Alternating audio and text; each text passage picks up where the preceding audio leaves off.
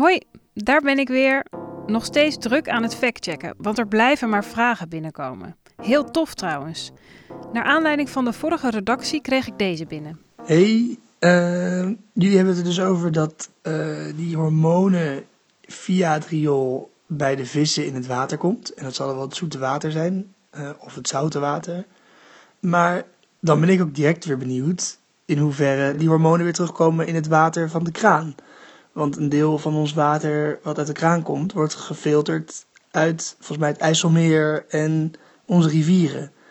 Dus dat lijkt me ook nog interessant voor het onderzoek. In hoeverre we zo meteen gewoon alleen maar water uit de kraan hoeven te drinken om uh, hormonen binnen te krijgen. Nou, ik ben wel benieuwd. Komen die vrouwelijke hormonen ook echt in ons drinkwater terecht? Als je sommige artikelen mag geloven, dan zou dit zomaar eens waar kunnen zijn. Het Algemeen Dagblad kopte in 2011 bijvoorbeeld: Kraanwater bezorgt mannen vrouwelijk lichaam en stelde dat de typische peervorm waarbij het vet zich concentreert op de heupen en dijen ontstaat door de hormonen die in kraanwater zitten. Amerikaanse deskundigen zouden hiervoor waarschuwen. Best wel heftig, maar klopt dit wel? Hiervoor heb ik contact opgenomen met het RIVM, het Rijksinstituut voor Volksgezondheid en Milieu. En wat blijkt? Inderdaad, rioolzuiveringsinstallaties kunnen niet alle resten van geneesmiddelen uit het water halen.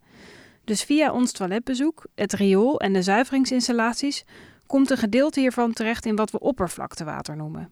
40% van ons drinkwater komt uit deze waterbronnen. De rest is grondwater. En dit wordt eigenlijk al natuurlijk gezuiverd en is veel minder verontreinigd. Sommige van die oppervlaktewateren zijn dus drinkwaterbronnen, zoals de Rijn en de Maas. Opvallend detail: er zijn eigenlijk geen wettelijke normen voor hoeveel geneesmiddelen in ons drinkwater en drinkwaterbronnen mogen zitten. Maar het RIVM schrijft dat ze als voorzorg zo nu en dan de Rijn en de Maas testen op stoffen die schadelijk kunnen zijn voor planten en dieren.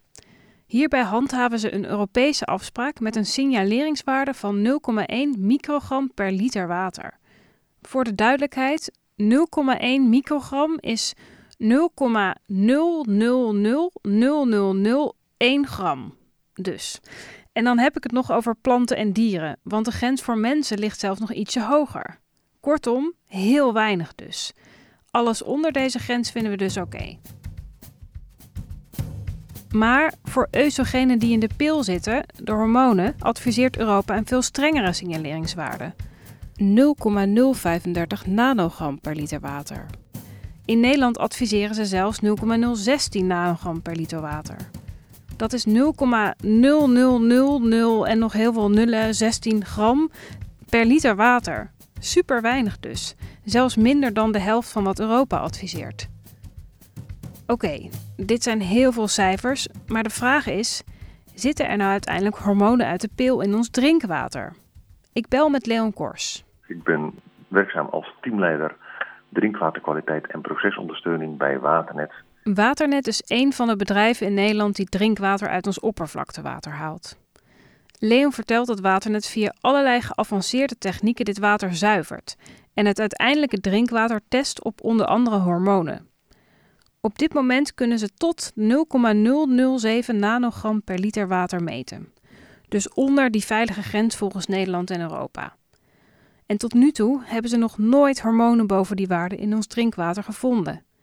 Ik vraag hem of ons drinkwater dus veilig is. Ja, drinkwater is veilig. Op het niveau waarop wij eventuele aanwezigheid van hormonen kunnen detecteren, is zo laag dat het geheel veilig is voor uh, consumptie. Oké, er zijn dus allemaal verschillende normen. Maar als je de strengste neemt en kijkt naar de metingen van ons drinkwater, dan wordt daar niks van deze hormonen in gevonden. Nog even terug naar het Algemeen Dagblad. Je weet wel, dat artikel waar ik het in het begin over had. Daarin werd beweerd dat je als man een peervormig lichaam kan krijgen door ons drinkwater. Moet je hier nou bang voor zijn? Leon Kors.